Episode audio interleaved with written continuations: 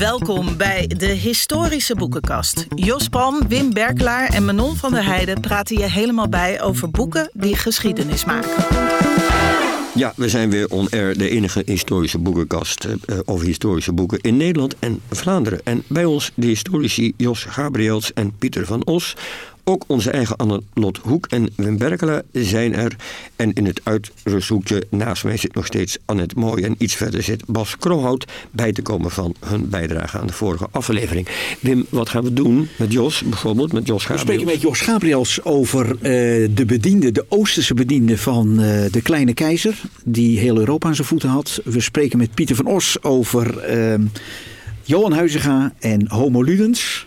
En tenslotte Annelot Hoek over uh, het Tokio-tribunaal. Ja, uh, Annelot, uh, Wim heeft nu alles al verteld, dat is hartstikke goed. Maar wat ga, jij gaat inderdaad het Tokio-tribunaal doen. jij zit nog steeds in Zuid-Afrika. Was het, is dat een, wat was dat voor een boek? Is dat een dik boek waar je doorheen moest? Ja, ontzettend dik boek van 900 pagina's. Dus daar moet je echt wel even voor gaan zitten. Het heet het Tokio-tribunaal, de geboorte van het moderne Azië van Gary J. Bass. En het beschrijft eigenlijk de hele aanloop naar en de implicaties van de, ja, van de overwinnaarsrechtspraak van het Tokio-tribunaal na de Tweede Wereldoorlog. Goed, daar gaan we het dadelijk over hebben. Dus het gaat niet alleen over het tribunaal aan zich, maar ook over wat het van gevolgen heeft gehad. Uh, ik ben benieuwd. Uh, Pieter. We hoorden ja. het net al, jij gaat huizen gaan doen. Um, nu meen ik te weten dat jij bent een zoon van uh, de, de, beroemde uh, directeur van het Rijksmuseum van Os. Uh, je vader dus, hoe heet hij weer zo voor? Henk, Henk, Henk, van Os. Oh, Henk natuurlijk. en die huizengaard, dat was in jullie familie een soort heilige, toch? Ja, dat was op, nou ja, dus, ja, als klein jongetje kan je die dingen, we hadden het een eerdere uitzending, een vorige uitzending over met Annette. Mooi dat als je als klein jongetje, dat ging dan over Ischa Meijer, die vereenzelvigde zijn vader met God. He, is, als klein jongetje worden dingen natuurlijk groter. Dus ik heb er mijn vader aan helpen herinneren. En die zei, nou joh, dat viel toch wel mee, huizing gaan. Maar we gingen alle twee, mijn vader en ik, dus later ook. En iedereen in onze familie naar hetzelfde gymnasium in Groningen. En daar was Huizinga de beroemdste ex-leerling. En dan uh, had hij ook nog een tijdje gewoond bij ons om de hoek. Dus dat lieten mijn ouders altijd zien als we daar langs liepen. Kijk, daar woonde Johan Huizinga. Nou, als, als ze dat altijd aanwezig hadden, dan moet het een hele belangrijke meneer zijn. En uh, dat nam ik ook zo'n beetje uh, over. En nou gedroeg hij zich natuurlijk ook wel. Dus als ik toen later ging verdiepen in historische huizen gaan, was natuurlijk al lang verdwenen toen ik uh, op de denkende leeftijd kwam. Ja, het was ook een uh, niet uit het driedeel te slaan, erudiet, eerbiedwaardig mens. Die ook denigrerend kon zijn, begrijp, uit, begrijp ik uit die hele mooie biografie hè, van Van der Lem. Um, hij kon ook heel denigrerend zijn tegen hen die niet zo snel konden denken als hij. Dus zoals mannen dat destijds wel deden als hoogleraar. Uh, zoals dat nu misschien niet zo heel makkelijk meer zou gaan. Dus ja, dat hele idee van Johan Huizinga als een god, dat speelde wel uh, een ja, rol. Dat is natuurlijk interessant, want, want de, deze god heeft voor mij al zijn goddelijkheid verloren toen ik voor het eerst zijn stem hoorde. Als je die stem van Huizinga hoort, die heb ik ooit gehoord op een bandje. Er bestaan twee opnames van uit de jaren, wat is het, 40, nee, eind 30. Die man die praat. Weten jullie nog hoe boze buurman Boordevol uit Jazef Senezus te praten? ja. Met een hele hoge boerenstem. Ja, hoog, hoog. En die stem heeft je hebt altijd het gevoel, hier is een man die is monumentaal. Die is ja. enorm beschaafd. Ja. En als je dan die stem hoort, denk je... Dat is gewoon een ja. boertje wat op de markt eieren verkoopt. Ja. Maar goed. Ja, ja, dat is fascinerend. En, en toen bedacht ik me ook, als je naar die stem hoort, want dat kan je ook op internet vinden, mensen doen het. Dan denk je, is dat nou de man waar volgens iedereen dus uh, uh, onze koningin destijds, Wilhelmina, zo'n beetje verliefd op was. En hij werd zelfs de getuige op het huwelijk van Juliana. Hè? Dus het was hij was ook erepromotor hè, van Juliana. Erepromotor. Hij, hij was een totale publieke intellectueel.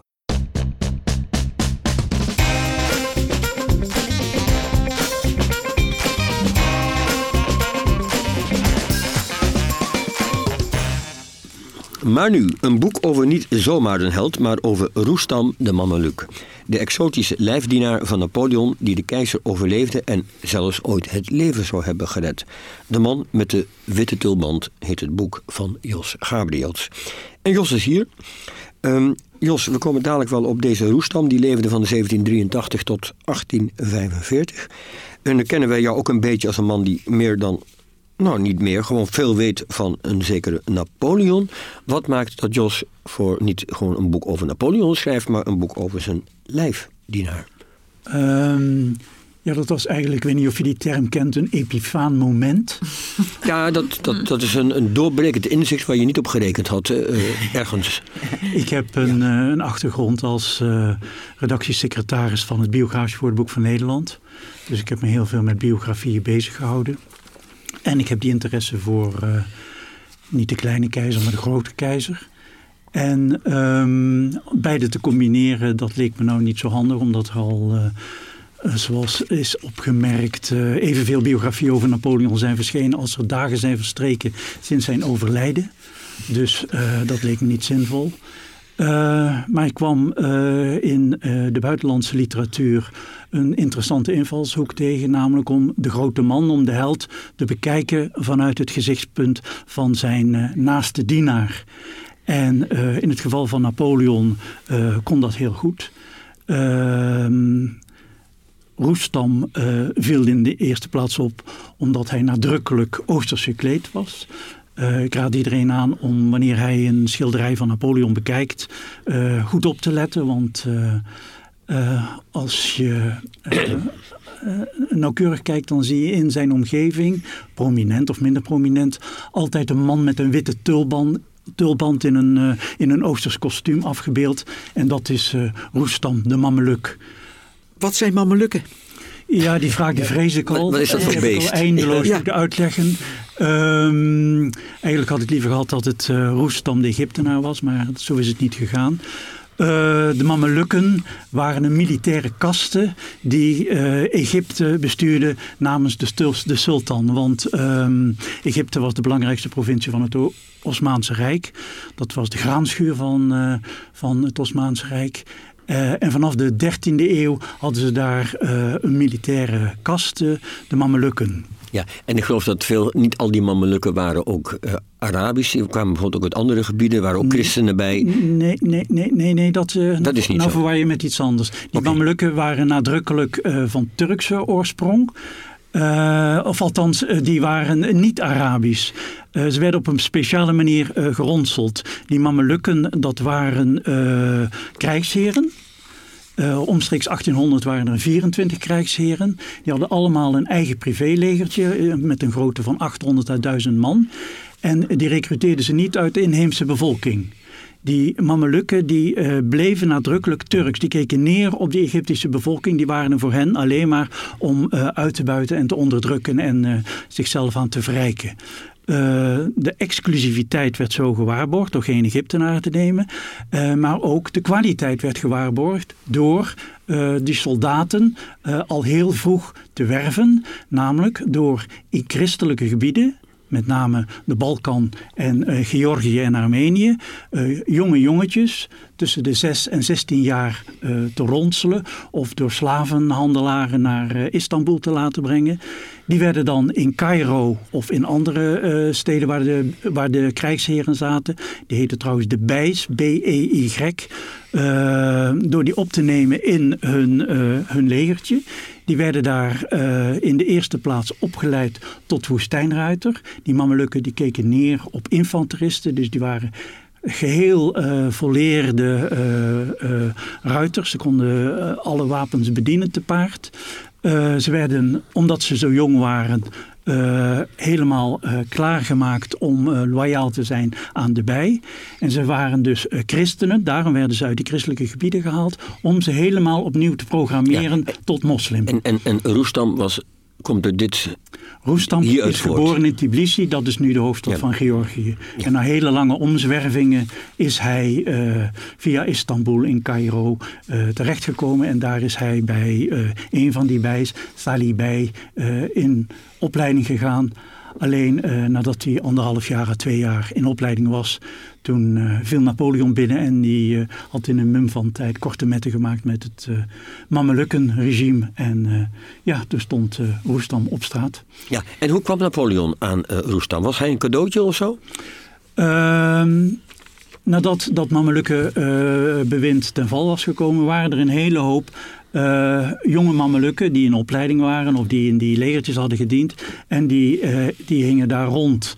Uh, waarschijnlijk naar analogie van die oud-koloniale traditie waarmee je een, uh, een, een, zwarte bediende aan je zijde had, die vaak ook nog met een tulband of uh, oosters uitgedost te zien was. Naar analogie daarvan namen die Franse generaals, want die waren het vooral, die namen Mamelukse bedienden mee.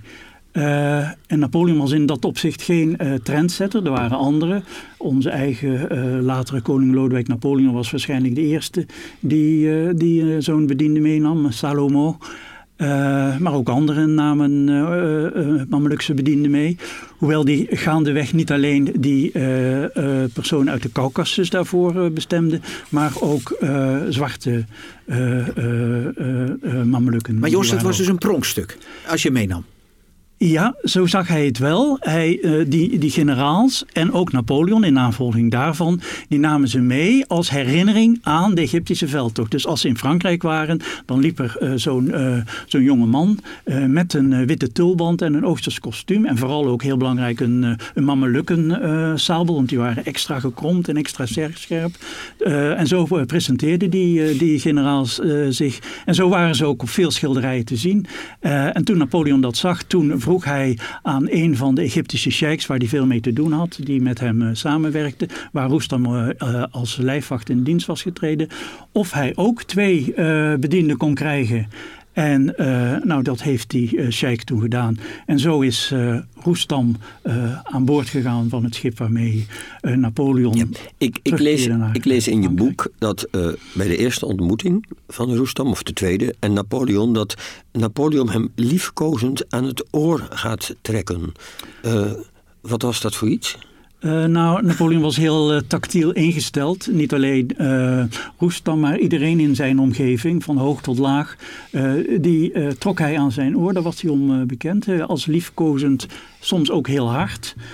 En hij had ook de gewoonte om, om mensen als, als, op amicale wijze op het gezicht te slaan. Maar naarmate hij enthousiaster was, werd dat, werd dat harder. Ik heb ook een passage in mijn boek geciteerd waarop zowel zijn chefstaf als Roestam met tranen in de ogen uit de kamer kwamen. Omdat Napoleon... Dus, dus hoe harder je geslagen werd, hoe meer hij van je hield? Ja, zo werd het ook gezien.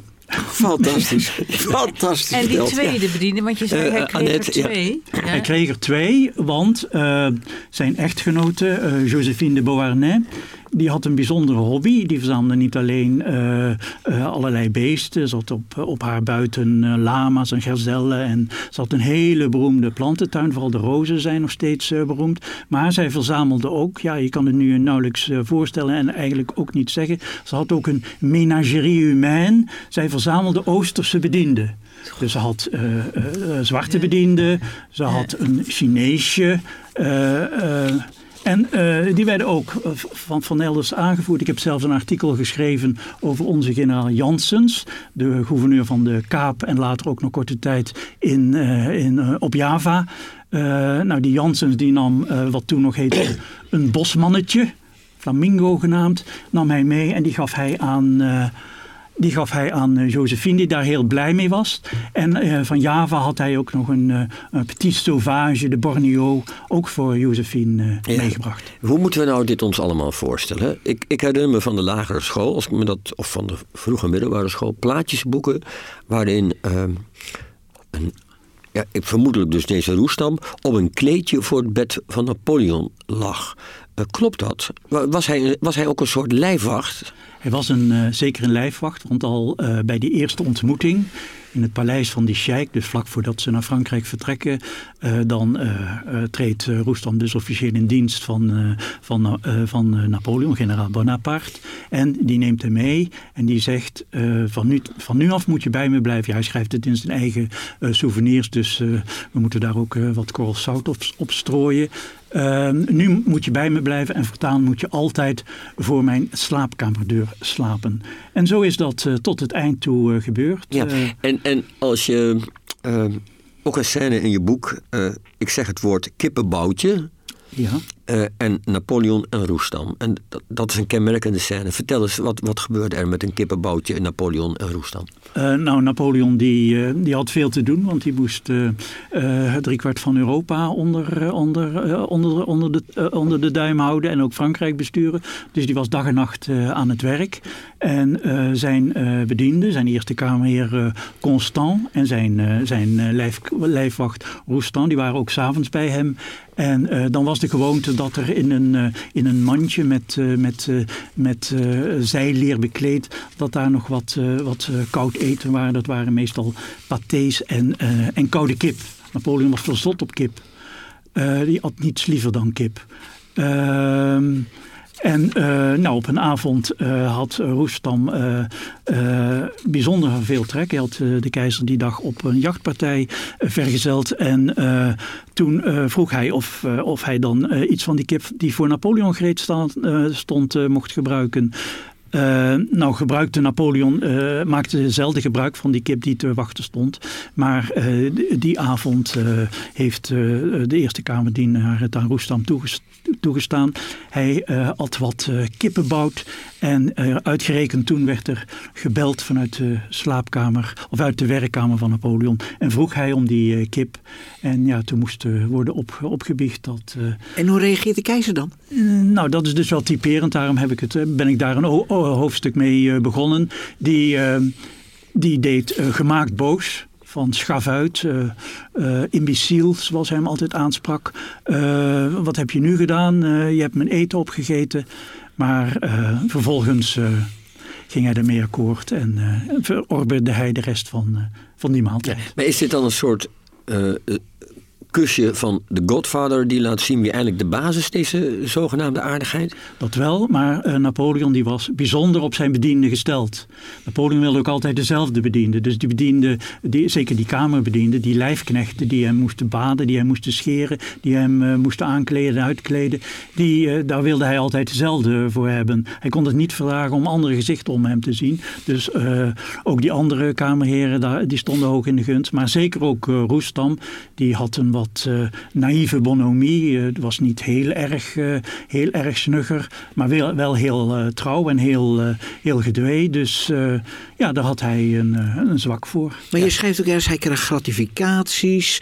je denkt, het is een halve vakbondsverhaal. terwijl je toch denkt, keizer en bediende. Hoe werkt dat? Uh, ja, nou, wat was zijn CAO? Was de vraag ja, ja, dat is precies de goede. Ja. Ja. ja. Wat was de CAO? Nou, ik schrijf ook op dat uh, Roestam heel, aan het begin niet in de gaten had dat er ook nog een uh, salaris aan verbonden was. Dus uh, dat hij drie jaar dat niet had opgemerkt en tot iemand dan hem daarop attendeerde. maar verder was Napoleon tegen iedereen, niet alleen zijn bedienden, maar ook zijn, zijn generaals en, ministers, heel gul bij het uitdelen van, van bonussen en, en, en, en gratificaties. Dat was eh, inderdaad eh, niet mis. En Roestam, eh, nou een aardig, aardig detail is, Napoleon had ook, ja, had vele bijzondere gewoontes, had ook de gewoonte om vals te spelen bij het kaartspel. ja, op die veldtochten zaten ze s'avonds dan in een tent of in een, in een kasteel te wachten tot het weer dag werd. En, de, de spelende mensen van ja, gaan ja, dat net over hadden. Ja. En uh, 21 deden ze graag en Napoleon had er de aardigheid in om vals te spelen. En uh, hij dacht dat de anderen dat niet merkten, maar die, ja, die wenste de keizer maar zo wijs te laten. En aan het eind van de, of, uh, aan het eind van de, van de, van de, de partij uh, vroeg hij dan aan Roestam of hij zijn tulband af wilde nemen. En dan gooide hij al het geld wat hij verdiend had in die, in die, in die tulband. En als je bedenkt dat een, een, een gewone arbeider 750 francs per jaar verdiende. Dat was het jaarsalaris. En op één zo'n avond dat Roestam dan 600 of 700 dus, frank. Dus die, uh, was niet mis. Dus die Roestam had eigenlijk alle reden om ja. uh, dankbaar te zijn voor Napoleon. Ja. En wat ja. verbaast me dan? Ja. En dat jij noemt net, hij was trouw en loyaal. Ja. Uh, dan wordt het 1815. 14. 1814. 1814. Ja, 1814. Ja. 1814. En dan wordt Napoleon verslagen. Ja. En dan wordt hij naar Elba gestuurd. Ja. Ja, allemaal tot nu toe Klopt. correct. Uh, en dan gaat onze Roestam niet mee. Ja. Hoe kan dat? Um, dat is uh, door de aanhangers van Napoleon uh, beschouwd als hoogst ondankbaar en verraad. En Napoleon was er ook helemaal kapot van. in zijn testament heeft hij een aantal bedienden ook weer grote gelden toegestaan. Maar een Roestam komt daarin niet voor. Maar er zijn er ook, en, daar wil ik mezelf toe rekenen, die ehm, toch zich wat meer kunnen verplaatsen in de persoon van Roestam. Maar hoe kon, hoe kon het überhaupt? Want wij hebben het gevoel, dit is, dit is, we hadden het net over uh, eh, CAO, maar tegelijkertijd verkeert hij ook min of meer in slavernij, hebben we het gevoel. Nee, nee, dat was dus niet zo. hoe, hoe kon het dat hij zomaar zegt, ik ga niet mee? Nou, dat wil ik net uitleggen. Um, ja, mooi. Ja, ga je gang, Jos. Ja. Um, die bediende, die, die lijfknecht, en zeker Roestam. Roestam was de ideale lijfknecht omdat hij een kamerdienaar te paard was. Hij kon, omdat hij zo'n goede opleiding had als, uh, als ruiter, hem overal volgde. Dus uh, ik heb ook in mijn boek achterin een staat opgenomen van hoe vaak Napoleon in Parijs was. Nou, hij was maar de helft van zijn hele bewind in Parijs. En verder was hij ook niet in Parijs zelf, maar in al die kastelen en paleizen daar rondom, als uh, Rambouillet, Compiègne en Fontainebleau. Dus dat was een heel nomadisch bestaan van, uh, van Napoleon. Nou, in, uh, in, in Frankrijk rondreizen, dat ging nog. Maar zij moesten dus ook veelal in, in Oost-Europa tot aan Moskou toe, zoals je weet, reizen. Roestam volgde hem ook op het slagveld, terwijl de granaten en de kogels om hem heen eh, sloegen. Ook andere bedienden konden dat niet verdragen. Ik heb geschreven hoe iemand helemaal krankzinnig werd en in een krankzinnige gesticht moest op worden genomen. Dus dat, dat was al bezwarend. En verder had hij, een, had hij een jong gezin wat hij nauwelijks zag. Als hij naar Elba ging, dan moest hij dat gezin achterlaten in uh, Parijs. Dus dat zijn uh, allemaal uh, valide overwegingen volgens mij. De, dus Roestam die wilde een eigen leven. Had hij wel in de gaten dat hij zonder Napoleon niks was? Ehm, Misschien had hij wel gespaard van al dat geld. Ja, dat had hij zeker gedaan. Dat had hij zeker gedaan, want uh, vlak voor Napoleon naar, uh, naar uh, Elba vertrok had hij nog 50.000 euro gegeven aan Roestam. sorry, franc gegeven. En hij had een, een loterijkantoortje aan zijn vrouw gegeven, waar ook inkomsten uit waren. Dus hij had met de bedoeling, zijn vrouw is goed verzorgd achtergelaten, dus jij kan meegaan. Ja. Dus uh, ja, dat, dat had gekund. Maar uh, ja, hij, uh, hij vond het nu, nu wel, wel welletjes. Ja. Hey, maar joh, na, na 1821, dus na de dood van Napoleon, ja. hij baat het ook wel heel goed uit, hè? Roestam. Wat, wat, wat, heeft hij in de gaten dat mensen een ja. soort idee hebben? Of begon hij daar zelf mee? Hoe is dat gegaan? Uh, nou, hij, hij, begreep dat zijn kapitaal was zijn kostuum, zijn Oosterse kostuum. Dus uh, ja, du, du moment dat hij bij Napoleon vertrekt, doet hij dat kostuum uit. Ook om niet te worden opgevallen, want ja, dat, uh, dat was natuurlijk de, de bediende van Napoleon. En dat was onder, de, onder het nieuwe regime natuurlijk geen, uh, geen aanbeveling. Uh, dat kostuum heeft hij altijd bewaard. Ook alle andere dingen die hij had gekregen. Hij heeft heel veel sabels gekregen, munten, penningen na de slag bij Waterloo ontstond met name in Waterloo in uh, Groot-Brittannië een zogenaamde uh, Napoleon-manie. Uh, daar was men uh, te kop op alles wat uh, te maken had met Napoleon om dat te zien of, of te kopen. Het paard van Napoleon wat buiten gemaakt is, is daar tentoongesteld. Die koets heeft lange tijd bij Madame Tussaud gestaan. Maar ook uh, hij zelf dacht van, uh, ik kan dat te nutten maken. Uh, ik kan mij als Oosterse bediende naar Groot-Brittannië begeven en daar in de, in de huizen van de, de Britse aristocratie, aristocratie mij vertonen op allerlei avondjes, op cercles. Ja. En dat gebeurde ook. Hij had dus in de gaten dat er een soort romantisering ja. van ja. het Oriëntaalse was, wat dan ooit... Door... Nee, dit ging louter om Napoleon. Het, het had niet met het Oriëntaalse te maken. Het was, hij was een levende reliquie van Napoleon. Ja, maar net als die koets, net als dat paard. Ik begrijp het. Maar ik ben toch benieuwd, omdat je in je boek namelijk wel de sprong maakt om... Uh, Napoleons liefde voor deze man en ook hem aan zich te binden, deze, deze uh, Roestam, dat dat toch wel degelijk te maken heeft met een soort liefde voor het Orientalisme, exotisme, wat in, in, in Europa op dat moment is. En dat Napoleon als ware uh, zijn eigen status verhoogt door deze man als een bediende te hebben. Kun, kun je uitleggen hoe dat zit? Maar de vraag die eh, Wim stelde had betrekking op de Nee, nee, begrijp ik, maar ik, ik dus- maakte even een sprongetje. Maar inderdaad, uh, ja, hij zag hem, ik schrijf het ook, als een, als een levende reclamezuil voor de Egyptische expeditie. Daar was eigenlijk niet zoveel reclame mee te maken, want dat was één groot debakel geworden, waar ze na drie jaar weer, uh, weer moesten vertrekken. maar wat ze wel hadden nagelaten, Dat is, uh, Napoleon had ook 200 uh, wetenschappers en kunstenaars en technici meegenomen. En die hebben dat hele land in kaart gebracht. Die hebben daar een, een hele grote wetenschappelijke beschrijving van gemaakt, de Description d'Egypte. En dat droeg ertoe bij dat Egypte helemaal, of dat was al in de mode, maar extra in de mode kwam. En nu ook op een, op een, op een, op een betrouwbare basis. En dat heeft er uiteindelijk in 1822, het was vorig jaar 200 jaar geleden, toegeleid dat, dat de hieroglyphen zijn ontdekt. En toen kon die hele Egyptische cultuur beter worden ontsloten. Napoleon die zag in dat met zo iemand aan zijn zij, dat dat de aandacht trok. Net zoals hij zelf altijd als hij een stad binnentrok of als hij uh, ergens gezien wilde worden, op een schimmel zat. Dat hij tussen al die uh, rijk uitgedoste maarschalken met een pluim en een glitter, dat hij dan opviel als hij een grijze regenjas had. Als hij zijn hoed niet uh, in de richting van de neus zette, maar in de richting van de schouders. als daar alleen maar een kokarde op zat in plaats van alleen maar, al die pluimen van zijn omgeving, dat hij opviel. En daar droeg Roestam ook bij. Dus Roestam moest altijd in zijn buurt zijn. als hij een stad binnen trok in, in Frankrijk dan, en zeker in Parijs, dan was ook vaak eh, de roep van het publiek, oeh, elle Mamlouk, oeh, elle Mamlouk. Dus daar keek men al naar uit. En als de Mameluc te zien was, als de Mameluc voor op de koets zat waar Napoleon in zat, dan wist men, dat is een teken, de keizer is onder ons. Ja, en, en was dat ook een teken van macht voor de keizer? Dat hij deze, deze Roestam beheerste en bezat? Je maakt zelfs, ik, dat die Egyptische veldtocht... dan ik geloof dat je zelf het hebt over van...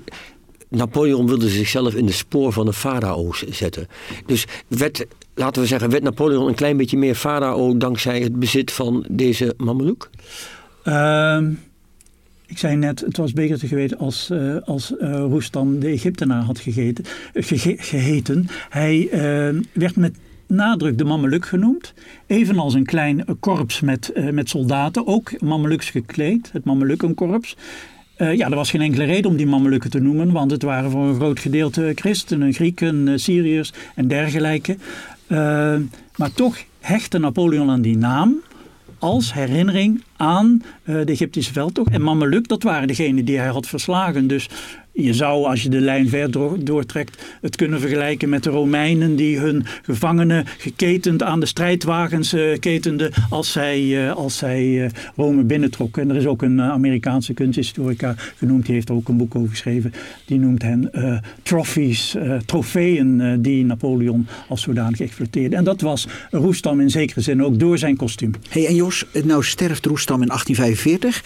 Hij heeft dus nog in 1840 die, die herbegrafenis, die gigantische gebeurtenis van Napoleon in het Dom des Invalides. Dat heeft hij dus allemaal meegemaakt. Is daar iets van bekend hoe hij daarop eh, reageerde? Of Speelde hij daar nog een rolletje bij? Werd hij op het schild geven, Roestam? Of hoe zit dat? Nou, uh, Roestam was uh, na, uh, na zijn vertrek bij Napoleon in 1814 geheel uit de gratie. En dat hij dan bij de vijand zich gaat vertonen, was natuurlijk ook geen aanbeveling. Dus hij was niet bij die herbegrafenis. Er zijn wel mensen die daar een mameluk hebben gezien en gedacht hebben, oh dat is Roestam. Maar dat was beslist niet zo. Maar toen Napoleon Nederland bezocht in 1811, toen werd Roestam ziek. En toen kon hij er niet zijn. Dus er was er ineens geen mameluk meer uh, bij hem. Uh, toen dacht Napoleon, ik moet een tweede mameluk hebben. Maar ja, ze hadden, ze hadden Egypte niet meer. Daar konden ze niet meer bij. Dus hoe kom je nu aan een mameluk? Toen heeft hij gevraagd aan zijn stalmeester of er iemand in de stallen was die ook zo goed paard kon rijden. Dat was uh, Louis-Étienne Saint-Denis. Die werd aangekleed met een mamelukkenpakje en die kreeg de naam Ali. En dat is eigenlijk het tegendeel van, uh, van, uh, van uh, Roestam in 1814. Want die gaat wel naar Elba, die gaat wel mee naar Sint Helena. En die gaat zelfs mee om het lijk van Napoleon op te graven. die expeditie in 1840 en het terug te brengen naar de Doom des Dus, dus, dus in 1840 speelt Roestam in dat opzicht in Frankrijk niet de rol die hij nog die hij in Engeland had toen hij zich kon vertonen? Nou, maar men kende hem wel, want toen hij overleed in 1845, toen besteden daar de kranten uh, allemaal aandacht aan. Er staat in volstrekte onbekendheid, vergetenheid, is Roestam overleden. Ja, dat is natuurlijk al een contradictio in, in terminis. Dus uh, ja. Goed. Mag ik nog wat vragen? Ja, wat, hoe, op welk materiaal heb je je kunnen baseren? Want hoe construeer je dat leven van zo'n bediende? Nou, hij heeft dus zelf zijn, uh, zijn memoires, zijn souvenirs nagelaten. En Aha. die zijn al in de 19e eeuw uitgegeven. Uh, daarvoor moet ik mij baseren op zijn geschiedenis tot aan de ontmoeting met Napoleon. Want ik weet ook niet wat er allemaal in Georgië en Armenië is gebeurd. Jos zei net, hij is in 1783 geboren. Maar er zijn ook verhalen dat hij in 1781 is geboren of in 1782. Dus ze weet ook niet precies wanneer hij in Egypte is gekomen als, als jongetje. En verder, ja, als je heel goed oplet in talrijke memoires en ego-documenten komt, hij, voor. komt hij voor. En die memoires, die acht je ook wel betrouwbaar Daar heb ik steeds slagen om de arm eh, bij uh, gedaan. Of het uh, genoeg is, weet ik niet, want ja, dan wordt het onleesbaar. Maar ja, ik heb steeds ook wat souvenirs van Roestam betreft gekeken of er nog andere bronnen naast geplaatst worden. Sorry Jos, krijg je dat uit die memoires van, van Roestam dan een beetje een beter beeld van Napoleon en zijn affectieve leven, zeg maar. We hebben, dus er gaat nu een film in de bioscoop uh, over Napoleon, die, die draait nu van, van Ridley Scott, waarin, we, ja, waarin Napoleon een hele gekke... Ja, ja, bijna niet in staat is tot normale intermenselijke relaties. Uh, is dat ook het beeld wat op, opdoemt uit, uit de memoires van, van Roestam? was kennelijk toch heel liefdevol met dat in het gezicht slaan en dan aan het oor trekken. Ja, maar uh, Jos, vertel. nou ja, er zijn... Er, eh, nou, dat beeld eh, van, eh, van Ridley Scott, daar is al genoeg op gewezen. Gisteravond nog in de NRC, afgelopen zondag nog in de Sunday Times. Daar is op gewezen dat dat beeld van Napoleon niet klopt. Napoleon was natuurlijk een militair qua opleiding. Tot zijn dertigste had hij alleen maar onder militair vertoefd. Dus hij was bars en bruut. het was geen gentleman. Maar hij had ook hele, hele aimabele kanten. En die toonde hij zeker ten opzichte van zijn bedienden. Wat al werd gezegd, al dat geld wat hij gaf als iemand het niet meer uh, kon opbrengen, dat hij dan zorgde voor een baan als conciërge bij een of ander uh, paleis, dat die bruidschat uh, betaalde of het, of het huwelijksdiner. dus daar ontbrak het niet aan. En uit die memoires, daar komt ook naar voren dat hij, zeker in zijn relatie met, met Josephine, dat dat...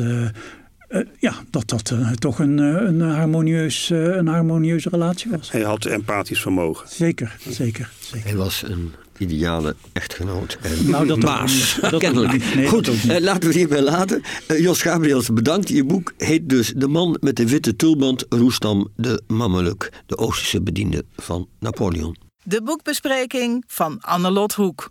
Annelot, goedemorgen. Jij Goedemorgen. Hebt een, je hebt een heel dik boek, 900 bladzijden. De geboorte, uh, het Tokyo-tribunaal, de geboorte van het moderne Azië. Wat is dat voor een boek? Um, ja, het is een heel fascinerend boek. Het gaat over de hele aanloop uh, en de voltrekking van het Tokyo-tribunaal in Azië na de Tweede Wereldoorlog in Japan, in Tokyo. Een heel lijvig boek. Het is een boek van 900 bladzijden, dus het vergt echt wat van de, van de lezer. Uh, en, en, nou ja, je moet er echt even voor gaan zitten, maar het is wel, vind ik, een heel, een heel interessant boek om te lezen. Ja, en, en help ons even, dat eh, de meeste mensen kennen wel uh, het tribunaal in Nuremberg. Wat was dat, wat was dat Tokyo-tribunaal eigenlijk? Wat, wie en werd er waarom berecht? En door wie? Ja, in Tokio werden de, de, de Japanse oorlogsmisdadigers berecht. En dat was een initiatief van nou ja, met name de Amerikanen. Het was eigenlijk een vervolg op Nuremberg. En het begon in, in, in mei 46 en het liep door tot uh, november 48. En het was dus eigenlijk echt bedoeld om, um, om Japan te, te berechten voor, voor het inzetten van een, van een uh, van agressie, van een aanvalsoorlog, een verrassingsaanval op Pearl Harbor. Uh, de enorme vreedheden die waren begaan tegen burgers in Azië, zoals in Nederlands-Indië, in China, op de Filipijnen. En natuurlijk ook de zware mishandeling van krijgsgevangenen bij de beruchte Birma-spoorweg.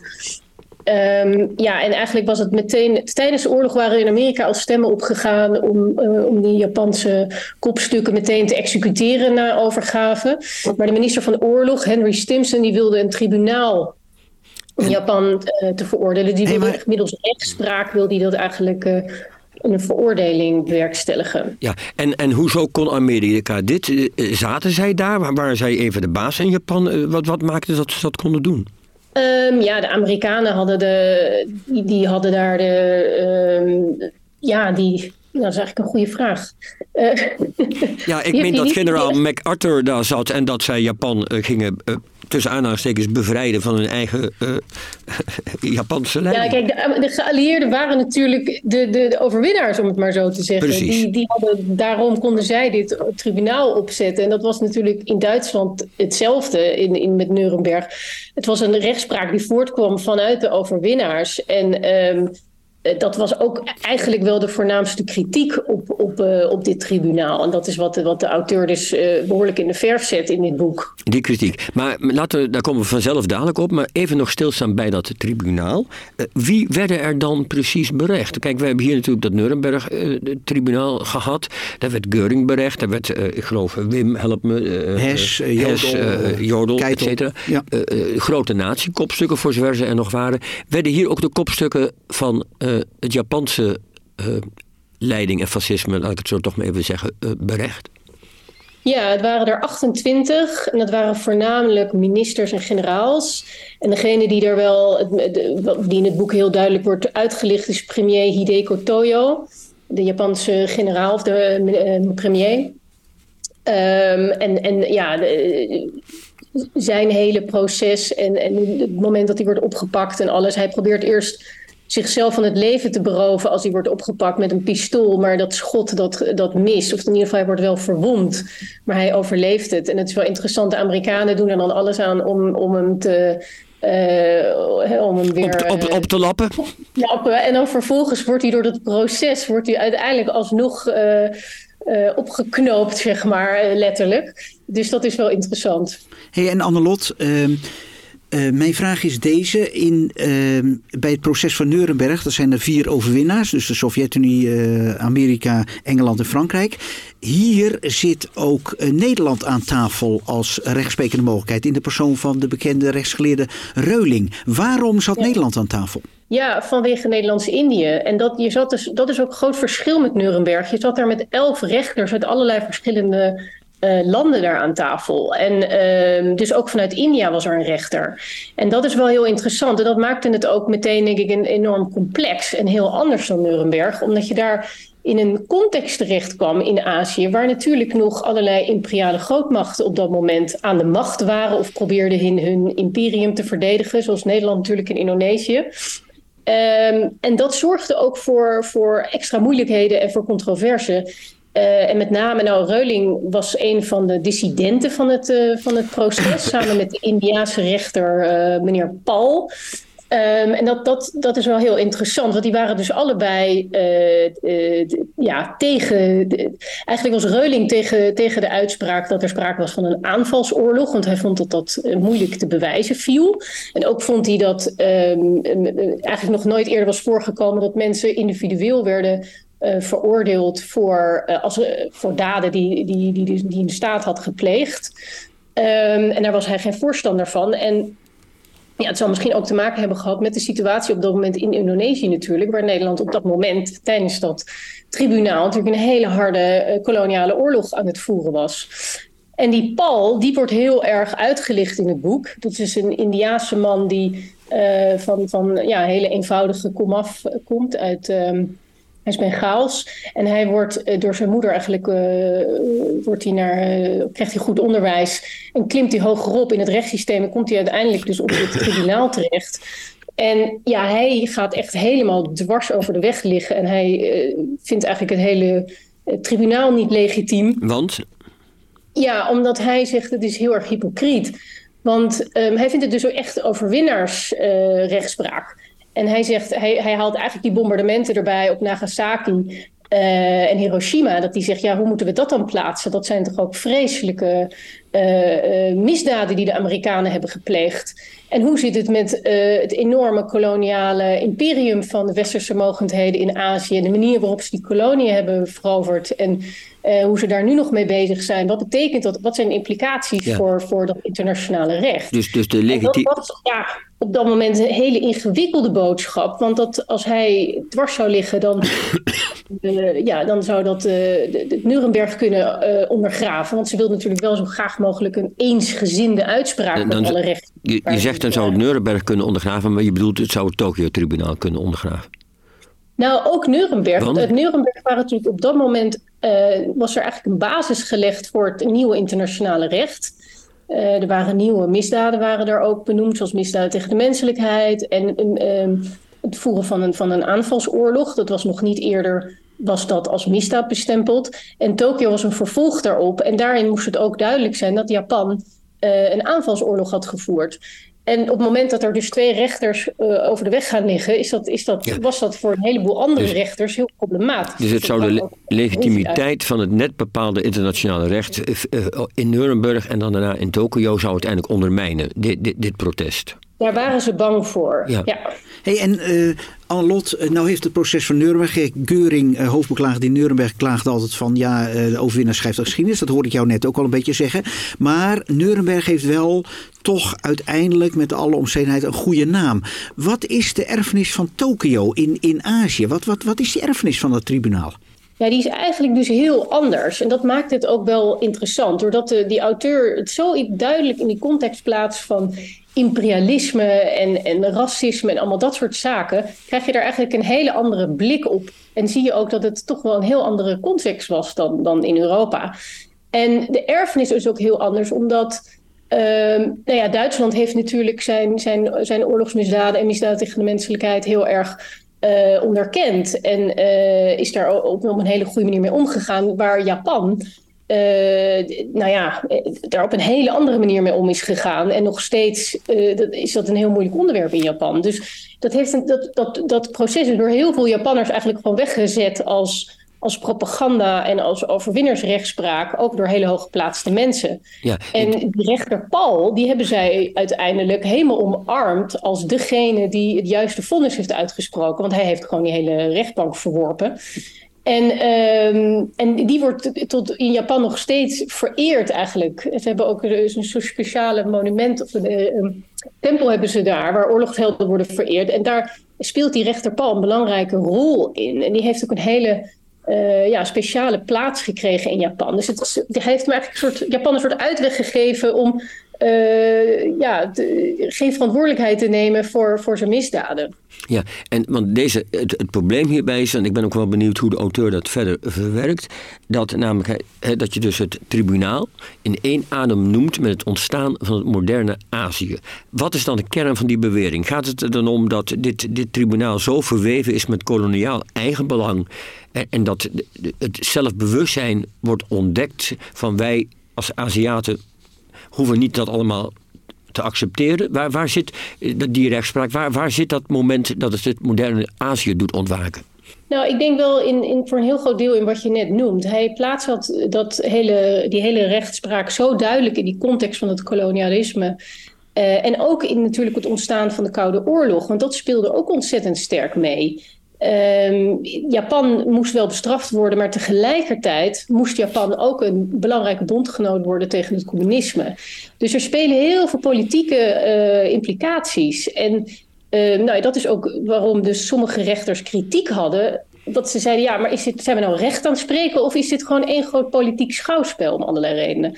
En nou ja, al dit soort zaken hebben tot een controverse geleid, waardoor de auteur zegt, dat heeft er ook mee te maken waarom er geen duidelijke internationale rechtsorde is ontstaan in Azië. Dat is, dat is wat, wat hij stelt. En een van de voorbeelden die hij ook noemt, is dus Japan, die nog steeds uh, niet op, op de juiste manier deze misdaden heeft, heeft erkend. En, vindt, en vindt deze auteur, kijkt hij dat erg, dat is tegenwoordig natuurlijk, ik zou bijna zeggen mode, kijkt hij erg door een antikoloniale blik zelf of constateert hij het slechts? Of wat wil hij zelf? Ja, dat is wel een goede vraag. Dat vind ik dus, dat kan aan mij liggen. Ik vind dat niet heel duidelijk worden.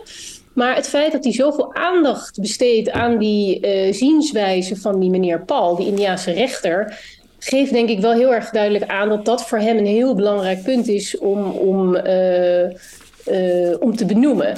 Um, maar verder is het toch wel een hele, hele ja, feitelijke beschrijving tot in de kleinste details van hoe dit hele proces tot stand is gekomen, hoe het is verlopen, welke, welke spelers er allemaal bij betrokken waren. En uh, dat, dat doet hij wel op een hele ja, kritische, maar wel goed neutrale manier ook.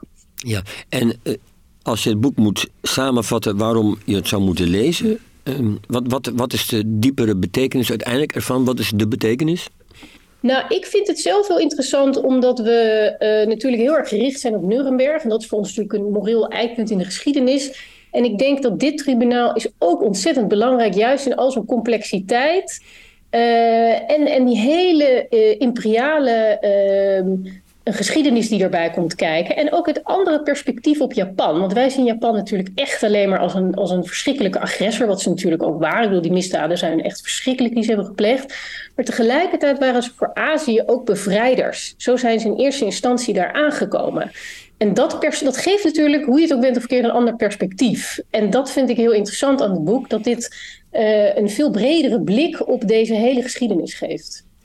Goed, Annelot, dankjewel. Uh, ik, uh, jij, jij, komt binnenkort weer terug naar het, uh, ons koude kikkerlandje, ja, geloof ik. Hè? klopt. Over ja. twee maanden. Zin aan? Ja, nou ja, ja en nee. Het is natuurlijk fantastisch leuk hier en heel fijn. Het is nu ook heel lekker weer. en tegelijkertijd is het natuurlijk ook weer leuk om weer aan de slag te gaan in Nederland. Goed. En uh, ook weer bij jullie live aanwezig te kunnen zijn. Ja, wij, ook... dat, dat, vinden wij ook heel gezellig als je weer terug aan tafel zit. Annelot, dankjewel. Het boek heet dus Het Tokyo Tribunaal en het ontstaan van het moderne Azië. De tip van Pieter van Os. Ja, uh, Pieter, we hadden het in het begin van de uitzending al over. Je hebt een klassieker van Huizinga uh, gekozen. En ook niet de makkelijkste. Homo Ludens, de spelende ja. mens. Ja, misschien niet de makkelijkste, maar toch. Ik kreeg de opdracht van de Groene Amsterdammer. Echt een opdracht, ik kwam er zelf niet mee. Um, al een hele tijd geleden om Uh, ze hebben een serie over publieke intellectuelen in de Groene Amsterdammer. Iedereen heeft allerlei favoriete publieke intellectuelen. Maar Huizinga was er eentje die op het lijstje stond. Die moest wel. Maar het was niemands favoriete publieke maar, intellectueel maar ze wisten, meer. Ze wisten bij de Groene dat jij om de hoek had gewoond bij Huizinga. Ja, dat weet ik niet zo goed. Was meer van, ik wil ook, ja, nou, het was meer zo'n beetje rondvragen. Uh, en, toen, en toen dacht ik, ja, dat wil ik eigenlijk wel heel graag. Inderdaad, omdat uh, die man een grootheid was in uh, ons gezin toen ik jong was. Gezin uit Groningen, moet ik bij zeggen. Huizen komt uit Groningen. Um, en uh, dus toen dacht ik, oké, dan ga ik het een keer goed doen. Dan ga ik alles lezen van de man. Dat is best veel. Uh, ik had ook veel tijd. En het is ook soms best taai. Dus inderdaad wat je zegt, niet allemaal even makkelijk meer nu voor hedendaagse lezers zoals ik. Het komt ook een beetje door mezelf natuurlijk. En gelukkig, terwijl ik al mijn eindeloos op herfsttijd de middeleeuwen had gericht. Ik dacht, daar moet het allemaal over gaan, want dat is toch zijn bekendste boek. Vond ik toen nog Homo Ludens. Waarvan al veel mensen me hadden gewaarschuwd. Jos, zoals jij ook uh, zegt van nou... Ik, uh, als ik een historicus tegenkom, zeg ik altijd pas op voor huizen gaan. Ja, ja. Uh, maar ga door. Ja, en, en, maar toen ik de eerste dertig bladzijden van Homo Ludens... Die zijn echt fantastisch. Maar. En ja, daarna wordt het minder. Maar die maar, eerste dertig vertel eens, wat is dat? Wat is dat? Waar gaat het over? Wat nou, is ga, ik zal het, het is, de ondertitel is al, uh, zegt het al een beetje. Het is uh, ener bepaling van het spelelement der cultuur. Het is altijd belangrijk voor veel mensen geweest dat er niet staat in de cultuur. Want het gaat hem erom dat alle cultuur voortkomt uit spel. Dus je kan niet kijken naar, we hebben... De cultuur vat hij ruim op. Hij is, cultuur, hij is antropoloog. Hij heeft geloof ik vergelijkende uh, letterstudies uh, gedaan. Hij is wel geen historicus van huis uit. En dat blijkt in het boek ook heel erg. Het is eigenlijk een sociologisch boek. Natuurlijk zijn al zijn voorbeelden komen uit uit het verleden. Maar hij kijkt naar onze cultuur in de brede zin van het woord. En hij zegt het is allemaal spel. Maar dan schrikt hij. Hij denkt daar langer over na. Hij denkt ja dieren spelen ook. Maar die hebben volgens Huizinga geen cultuur. In ieder geval geen beschaving. Dus hoe zit dat? Um, en daar denkt hij echt op een vind ik, hele interessante, onbevangen manier over na. Ik vind het best moeilijk om, dat merkte ik toen ook, dus ik had er een lekker lang stuk in groene voor gekregen, om je te overtuigen waarom dat nou zo fascinerend is. Maar er is misschien wel een teken aan de wand, even een bewijs uit het uh, van zijdelingsbewijs, dat uh, vandaag de dag allerlei theoretici die nadenken over computerspelletjes, dat is in Amerika echt een serieuze universitaire discipline, die zeggen dit is het grondwerk. Hier begint het. Hier legt iemand voor het eerst uit waarom wij spelen. En Huizinga maakt ook een verschil, dat vind ik zelf heel fascinerend, tussen bijvoorbeeld de spelbreker en de valspeler. Waarbij die bijzonder uh, positief eigenlijk is, of mild, voor de valsspeler. Want de valsspeler die ziet de regels. Dat is eigenlijk Geert Wilders, zeg maar. He, dus iemand die met die regels voortdurend anderen ontregelt en vals speelt ook wel. Uh, maar iemand als Baudet, om het even dicht bij huis te brengen. We zitten vandaag toevallig, nemen we dit op op een dag die belangrijk is in de Nederlandse politiek. He, dat is een spelbreker. Dus die wil het hele spel wegdoen. En daar had hij, toen hij dit boek schreef, uh, nou ja, of in ieder geval had hij toen hij diep nadacht, onze Huizinga in de jaren dertig, veel mee te maken. Ja, kijk, kijk, dat zit je al gelijk aan een interessant punt. Want Huizinga ziet spelbrekers en dat zijn mensen die niet, niet, voldoen aan zijn definitie van spel, ben ik geneigd te zeggen. Maar daar komen we misschien straks nog wel op. Ja. Um, als we nog even het boek als, Ja. als boek, Ja, als boek bekijken, proberen te benoemen. Ehm, ik heb de indruk, hij, hij loopt die hele geschiedenis door. hè, en, en daar is hij niet kinderachtig in. Hij, eh, Plato, Indische wijsgeren, Chinese. Hij, hij- alles noemt hij. eh, en de conclusie is, eh, spel hoort bij ons, net als eten en drinken. Maar dan is er een vraag die misschien belangrijk is. is want je had het net over dieren. eh, gaat spel dus vooraf aan beschaving en cultuur? Ja, ehm, hij denkt dus inderdaad van wel. En het verschil tussen mensen en dieren, ik doe het nu even uit mijn hoofd, hè. ik hoop dat ik het goed zeg. Ja, daar zit je is- hier voor. Ja, ja, nee, maar het is, eh, bij, het is een vrij serieus boek, dus ik moet, even, moet het goed formuleren. Het verschil is dat, die, eh, dat mensen weten dat ze spelen. Dus er is een besef eh, wanneer iets spel is en niet. En dieren hebben dat niet. Dan ageert hij tegen de gedachte dat mensen spelen voor een functie. En dat wordt heel vaak eh, gedacht. Ehm, dat ze dus, eh, of dat je dat bij dieren ook een functie is. Dat dieren dus bijvoorbeeld eh poezen die spelen met elkaar een beetje op een wilde manier, zodat ze later vijanden kunnen afslaan. Hij verwerpt die gedachte. Ehm, hij denkt dat we dat er dus eh, dat eigenlijk al het cultuur voortkomt uit spel. Dus dat, dat je ook hele ernstige eh, dingen, als bijvoorbeeld het parlement, moet zien als spel. En dat je dan verder komt, dat je daar iets aan hebt. Dat als je het ziet als spel, kan je dingen verklaren die je anders niet kunt verklaren. Ja, maar, Maar- ja, Wim. Nou, Pieter, dit klinkt eh, als een soort eh, bezwering. Eh, ik bedoel, je, je zegt al terecht, dat boek dat zit ergens zo in de jaren dertig. Dat, dat je het gevoel hebt, jongens, blijf vooral meedoen. Je noemt het woord parlement. Blijf vooral meedoen aan het spel. Maar de nazi's deden niet mee aan het spel. Ja, Nee. tijdelijk, maar niet voor. En, en de communisten ook niet. Is, dat, Ja. is het ook een bezweringsformule? Ja, dat is het zeker ook. Dat is het zeker ook. Ja, en wat dan komen we direct op het nadeel van het boek. Ehm, en, en- maar dit is grappig dat Jos hier ook zit, Jos Palm. Want jij, dat ontdekte ik pas heel laat, hebt hier een keer over geschreven. dus ik bedoel, eigenlijk Ja, ik- ik schrijf ook wel eens wat. Ja. Ja. Ja, precies. Jij hebt een keer over geschreven. En dat is helemaal waar. Dat op een gegeven moment, dan ziet hij eigenlijk, hij waardeert dus het spelelement. eh, maar dan bedenkt hij eigenlijk alles waar hij niet van houdt. Daar ontbreekt het spelelement. Daar is eh, verernstiging aan de hand. Of nog erger, puerilisme. Puerilisme is gelukkig een woord dat geen ingang heeft gevonden in het Nederlands. Eh, anders dan ludiek, hè? Ja, en wat betekent eh, dat? eh, Wat daar betekent dat? Puerilisme is een soort eh, pubergedrag. Dat je dus... ja. ehm, hij, hij, hij beschrijft het natuurlijk mooi, maar dat is een soort permanente puberteit. Die volwassenen zich ook permitteren. Maar het komt er dus op neer dat als hij iets niet leuk vindt, als bijvoorbeeld voetbal, iets wat ik ontzettend leuk vind, eh, dan is het foute boel. Dus dan zegt hij nee, nee, nee, dat is niet echt spel. En wat had ik er nou Dat is intelligentie? En wat had ik nou voor intelligentie daarover geschreven? Nee, nee, jij dat begon van, je ja, te zeggen. J- Jij zei van ja, later in dat boek, dan eh, blijkt dat zijn cultuurpessimisme, dus zijn ondergangsideeën, eh, dat die eigenlijk bepalen wat hij nog wil zien als spel. Dus eh, zijn eigen obsessies, zeg maar, nemen het over van de omvangen blik uit de eerste 30 bladzijden. Ja. ik weet niet of jij 30 bladzijden zei, hoor, dat zeg ik. Maar waar ik er wel benieuwd naar ben, waarop baseert hij dan die gedachte dat de mensen, laten we zeggen, vanaf de eerste dageraad der mensheid tot, tot diep in de 20e eeuw, eh, weten wat, dat ze een spel spelen en dat ze zich daar ook van bewust zijn. Want wij kijken naar een spel over het algemeen als een soort de meest prettige bijzaak van het bestaan. En hij draait het om. Waar baseert hij dat dan eigenlijk op? Hoe weet hij dat zo zeker? Ja, dat is toch wel gewoon door een soort antropologische blik. Dus hij kijkt naar eh, zaken die wij wel als ernstig benoemen. En daar ziet hij het spelelement. Sterker, soms denkt hij het komt eruit voort. Het parlement is wel een mooi voorbeeld. Remiege Aarts heeft daar ook over geschreven. Van Huizinga's homo ludens op parlementen geplakt. En Huizinga krijgt verschillende definities van het spel. Dat is ingewikkeld, maar een soort begrenzing in tijd. En ik heb het nu even niet paraat uit maar die definitie daar, eh, eh, regels waar iedereen zich aan houdt, waar je je niet meer van afvraagt of ze nog wel redelijk zijn. Hè. Ehm, daar eh, bevindt zich het parlementaire bedrijf absoluut. vindt zich daar binnen. En dan kom je op wat Wim zegt. Als je dat dus ook niet, als je dat helemaal weg wil doen, dan ehm, ben je zeker zin gevaarlijk. Hè? Dus, Want waar- waarom ben je gevaarlijk? Ja, Omdat ja, als je de spelregels ja, weghaalt, dan, dan, dan, ja, dus, dan, eh, wordt het niet meer, dan wordt het te serieus. Dan ga je verkeerde ideologieën volgen of zo. Ja, Wat, het spel houdt ons, laten we zeggen, bewust van dat er niet één waarheid is. Ja, Ja, en, en, dat je dus, en dat je niet te serieus mag worden in het leven. Ja, je mag niet te serieus worden. En dat is natuurlijk gek, want Huizinga zelf ben ik steeds maar achtergekomen. Er viel niet zoveel te lachen met uh, Johan Huizinga. Ja, die tekeningen zijn wel vrij vrolijk.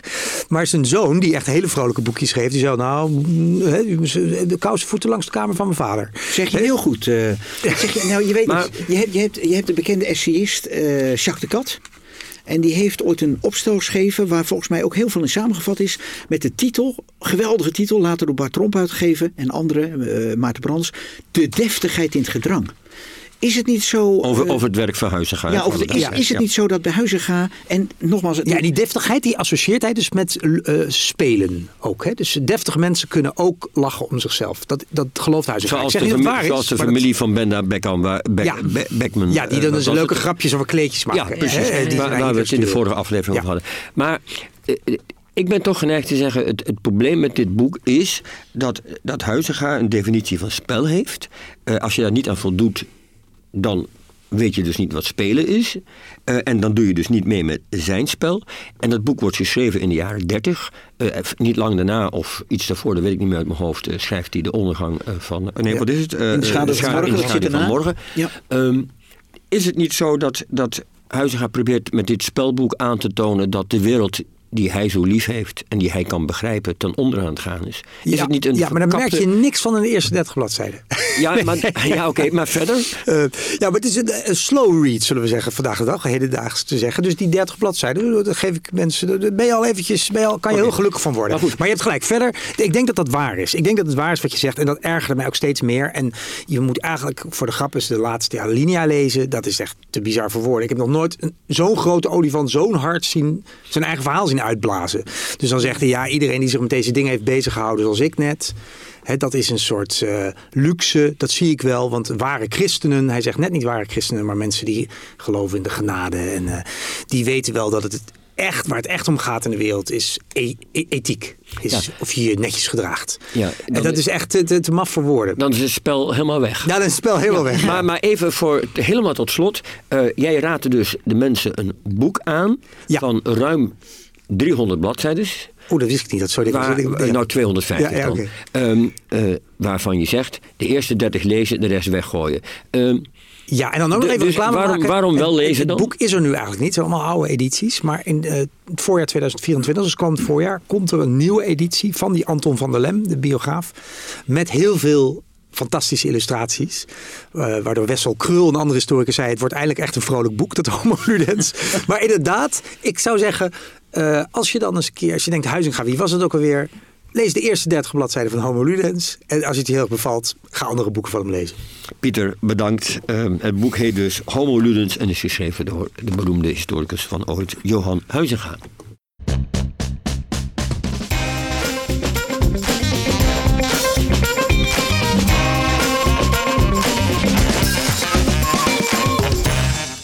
Ja, ditmaal hadden we het in de historische boekenkast over de lijfwacht die s'nachts op een kleedje bij Napoleon sliep. We hoorden hoe het met het Tokyo tribunaal het moderne Azië begon en we werden bijgepraat over het spelende mens, het favoriete en zeer geliefde mensentype van historicus Johan Huizinga.